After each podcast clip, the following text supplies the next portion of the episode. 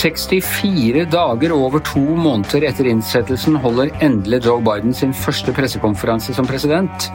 Ingen av hans forgjengere har ventet så lenge. Hva er det som har tatt sånn tid? Og I dag starter Miljøpartiet De Grønne sitt landsmøte. Dette er Giæver og gjengen torsdag den 25. mars, og det er også den internasjonale vaffeldagen.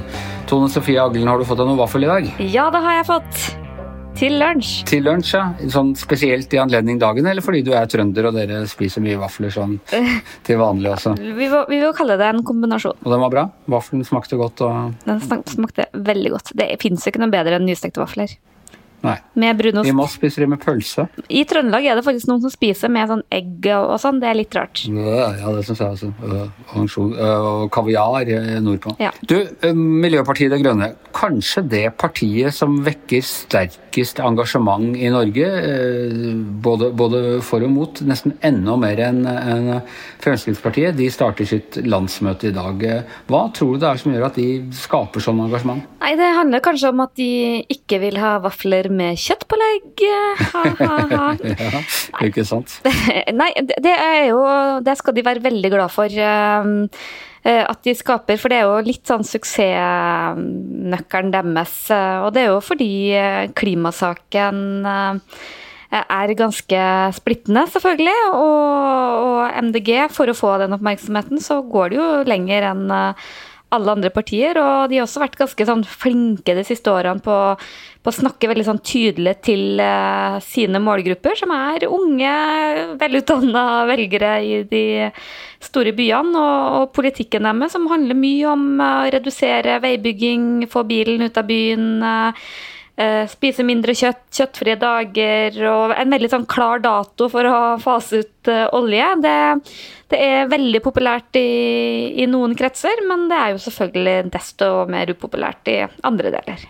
Det er liksom ikke et sånt parti hvor liksom kanskje skal jeg stemme MDG i år, liksom. Det er sånn, enten har du det på lista di, eller så har du det virkelig ikke. Men så må jeg også si at det er et av de partiene jeg har sett med mest vilje til makt. Altså Den type partier har litt lett for å, å bli litt sånn overmanna eh, når de kommer til makt, og druknet i byråkratiet og manipulert av eh, hele apparatet rundt. Men her i Oslo, altså de kjører jo på som det, de reneste ja, jeg vet ikke hva jeg skal sammenligne med historisk, for det, det blir fort gærent. Men altså eh, Skuffer unna parkeringsplasser og åpne i sykkelfelt og eh, virkelig, eh, virkelig handlekraftige, på godt og vondt. Ja, og Oslo er nok også det aller, aller beste eksempelet, hvor du både hatt en veldig sånn klar og tydelig strategi, hvor har, Miljøpartiet har konsentrert seg om en liten del av politikken, må det være lov å si om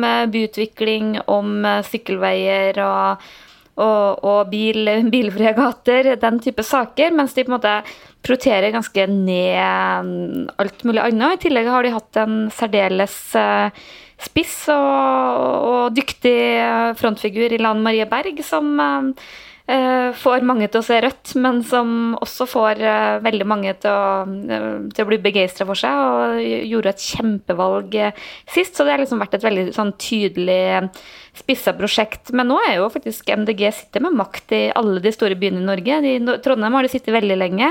og der er Det nok Det er der de ganske... kommer fra, egentlig. Trondheim, jo, var der det starta. Ja, og der har det liksom vært en sånn uh, suksess i veldig mange år, vært liksom et miljø. Men de har liksom kanskje forsvunnet litt ut igjen, hatt litt sånn generasjonsskifter. Men de sitter også og styrer Bergen, har flere byråder der. Så er de jo faktisk med å styre både Stavanger og Kristiansand og, og, Tromsø. Og i Stavanger sitter de til og med og styrer sammen med bompengepartiet, da. Så, så det er nok litt varierende hvor, hvor tydelige de er rundt omkring i de store byene. Er alt fryd og gammen med dem, eller er det problemer, er det problemer innad i MDG?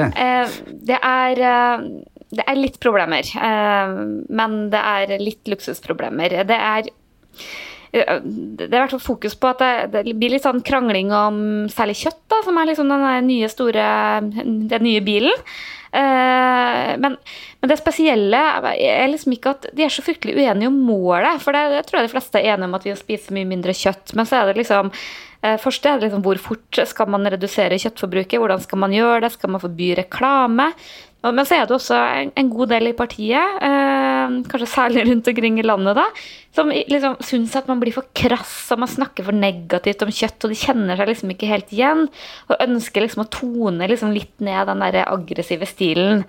Og litt det samme ser du også på bil. Eh, eh, det der med å kaste ut bilen av byen og veldig høye dieselavgifter. det er liksom, På bygda så kjører til og med miljøpartister bil, og kunne ønske at man liksom ikke snakka så stygt om bilen og var litt mer sånn på den ene og på den annen side og differensierte politikken. og og nettopp det der, liksom, det, det, splitter de litt, men samtidig så er det det at de er så spisse og skarpe som, som jeg tror er liksom suksessen deres, som gjør at uh, de får velgere. Ja, og de jo, det er jo mange som ønsker å være miljøparti, så de må jo være tydelige for å klare å, å Ja, det er veldig trangt om uh, Nå er jo til, og med partiet Høyre ikke sant, har jo på en måte beveget seg veldig i den retning, så de må jo på en måte gå liksom foran og, og, og være mye tydeligere enn uh, alle andre. Men det som nok er Miljøpartiets største utfordring nå, tror jeg er at klimasaken er plutselig ikke så viktig lenger.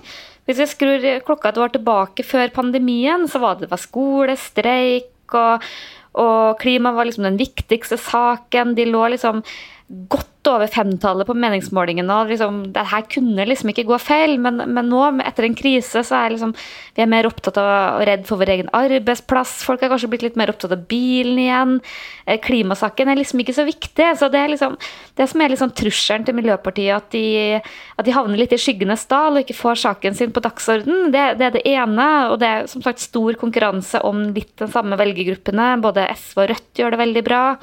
Og så gjorde de jo det her eh, politiske veivalget sitt med å klistre seg opp til rød-grønn side. Og, og, det gjør nok også at de kanskje blir litt sånn mindre interessante i alle de her regjeringsdebattene som nok vil eh, prege mye framover. Hvordan ligger de an i forhold til sperregrensa? Det er jo den som blir avgjørende nå.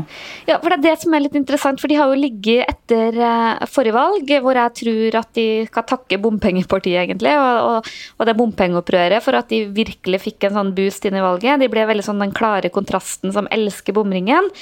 Eh, så har vi sett det siste året en liksom sånn nedadgående trend på målingene. Og for første gang så ser vi nå en del målinger hvor de faktisk ligger under sperregrensa. Og, og, det som er liksom det skumle for Miljøpartiet, da, at de, de har liksom ungdommen og liksom det som blir regna som vår tids viktigste sak eh, på sin side, men samtidig så vet vi også at de unge velgerne de er litt sånn, de er ikke så veldig trofaste. De har en tendens til å ikke stemme på valgdagen, og det har jo gjort at de har ligget veldig godt an før òg, men likevel havna under den her sperra, da. De, de, unge har en tendens til å bli eldre, det er det, det, er det som er problemet. Uh, ok, landsmøtet altså digitalt selvfølgelig denne helgen. Det er uh, definitivt digitalt, så det er jeg veldig spent på. For det er jo ingen som har hatt så mye sånn snirklete vedtektsdebatter og sånn som det Miljøpartiet har hatt. Så um, ja, jeg er litt spent på hvor interessant det her skal bli å følge i over fire dager, faktisk. Ok, eh, Per Olav Ødegaard, vi skal til USA og president Joe Biden, mannen som skulle Eh, bringe USA tilbake til normalen og, og gjøre alt uh, godt igjen etter at, uh, etter at Trump hadde herja vilt i, i, fire år. Blant annet så skulle han skape et mye bedre forhold mellom mediene og presidenten. Og det har han så langt valgt å gjøre ved å ikke holde noen pressekonferanser. Og det er vel ingen av mediene, eller kanskje de faktisk savner Trump litt, og de derre helt eh, vanvittige pressekonferansene hvor han skjelte ut mediene som eh, Eh, som fiender av folket og, og navnga journalister og fortalte hvor, hvilken dårlig jobb de gjorde og sånne ting. Det var i hvert fall Det ga jo mediene oppmerksomhet, og det ga mye klikk og til og med ganske økte eh, abonnementer Eh, for eh, papiravisene. Hvorfor, hvorfor har han ikke holdt noen pressekonferanse før nå? Han eh, holdt jo en, førte en ganske vellykket valgkamp hvor han egentlig drev på samme måten. Han holdt seg litt i bakgrunnen. Han var sjelden på valgmøter. Han var ikke veldig opptatt av å ha pressekonferanser eller hele tiden å stå fram. Så han er en, en rake motsetning til Trump. Som du, som du sier, Trump var jo mm, overalt, og ikke minst på, i sosiale medier, men også veldig ofte han, han, var jo Det er jo ingen som har brukt så harde ord som pressen, altså sånn som folkefiender og sånn, men, men, samtidig så virker det som han elsket det å sparre med pressen hele tiden. Han gjorde det ustanselig. Um, så nå kan man jo si om Biden at det er uvanlig at en ny president ikke har en pressekonferanse. Det har gått over, altså det har gått over to måneder siden han ble satt inn, og det er veldig uvanlig. Jeg tror det var det er lenge siden USA har hatt en president som har ventet så lenge med den første. Eh, så kan man si at han har hatt mye å gjøre, da. Han har jo overtatt midt i en pandemi, og det har vært behov for å få på plass en redningspakke. Og jeg tror han ventet til den der redningspakken var vedtatt i Kongressen, før han ville ha en pressekonferanse men det er jo ikke sikkert Og det, det har jo nå skjedd. Men hvis Trump hadde venta så lenge med pressekonferanse, da hadde vi hylt bra opp uh, om at uh, Å, han anerkjenner ikke den viktige rollen mediene har i et moderne samfunn. og da hadde vi slått alarm, hadde ja. ikke? Ja, men, men altså, det, er, det, er, veldig mye sånn mer velregissert denne administrasjonen enn den forrige. Altså, det, de, det, ble i hvert fall sagt da i forrige administrasjon at de forsøkte å få han til å slutte å tvitre så mye og sånn. Det var jo selvfølgelig helt nytteløst. Med Trump, ja. Det ville han ikke. Med Trump, ja. Eh, med den forrige administrasjonen. Eh, og, og da, det, da, forsøkte de å holde han litt tilbake, det var helt umulig den gang. Nå tror jeg det virker som de har veldig regi på dette her. Eh, og så har de jo daglige pressekonferanser da, med pressesekretæren til til Biden. Jen Psaki, som er riktig trent i det. Men det er nettopp det jeg lurer på. Hun er jo sånn ung og supertrent smarting eh, som sier alle de rette tingene. Er det fordi de er litt redd for han altså det er jo ingen hemmelighet at han Biden av og til eh, dumma seg litt ut når han eh, var visepresident og av og til sa ting som ikke var helt er, er, de redd for å slippe ham løs? Ja, det kan jo det, Han har jo, han er, som du sier, han har et rykte av det at han sier Han kommer med tabber, han sier ting som er, blir helt feil. Og, og, han har innrømmet det selv også. Dessuten så har han en tendens til å snakke altfor lenge når han først kommer i gang på et tema, så folk kjeder seg i hjel. Så, så, så, så, det er en del sånne ting ved ham som de nok kanskje og når de spurte han her, var noen medier som spurte han i forbifarten i går om hva han mente, hvordan han mente den pressekonferansen skulle bli, og da svarte han 'hvilken pressekonferanse'? Det var en spøk, da. okay. Han fleiper med sine ryktene om sin egen eh, demens. Det er jo friskt. Det sier så. Det sies så. Det sies så. Hva, hva kan vi regne med at når han nå skal holde pressekonferanse hva er det han skal holde pressekonferanse om? Han vil helst snakke om selv at de klarte å, å vaksinere, eller sette 100 millioner doser på 60 dager Eh, og ikke 100 dager var målet, altså Han hadde satt et mål da, at i de første 100 dagene skal vi vaksinere 100 millioner. Nå, det, nå klarte de det på 60 dager. Uh, og så vil han helt sikkert snakke om denne, plan, denne, redningsplanen som er vedtatt i Kongressen, og at det er tegn som tyder på at amerikansk økonomi er på vei ut av krisen. Men det er jo ikke sånn at han kan bestemme denne agendaen selv, og jeg tror nok at de som skal stille spørsmål, kommer til å være opptatt av den krisen som er på grensen mellom Mexico og USA. Med det kommer 600 barn, altså de som under, under 18 år gamle, eh, hver dag, eh, som krysser grensen. Eh, det er store oppsamlingsleire der med barn.